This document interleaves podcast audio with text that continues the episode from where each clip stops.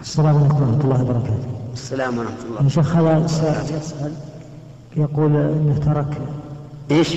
هذا سائل يسأل يقول انه أكل لحم الجزور عدة مرات ولم يصلي بعد أكله وذلك يعني لم يتوضأ إيه، انه إيه، لم يتوضأ بعد صلى من بعد أكله ويقول أنه سهى عن أنه ناقض والا هو يعرف لأن اكل لحم الجزور ناقض من الصلاة. ويقول لا ويقول إنه الصلوات لا يعلم عددها هذه المسألة جزء من مسألة عامة.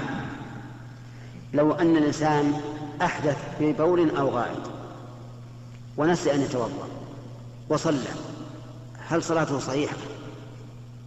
الجواب لا. لقول النبي لقول النبي صلى الله عليه وآله وسلم لا يقبل الله صلاة أحدكم إذا أحدث حتى يتوضأ ولا صلاة بغير طهور. فصلاته غير صحيحة. فيجب عليه قضاء ما فاته قضاء ما صلاه بغير وضوء بعد أكل اللحم. فإذا قال أنا لا أدري قلنا تحر يتحرى. فإذا غلب على ظنه أنها خمس أو ست أخذ بغلبة الظن. فإن شك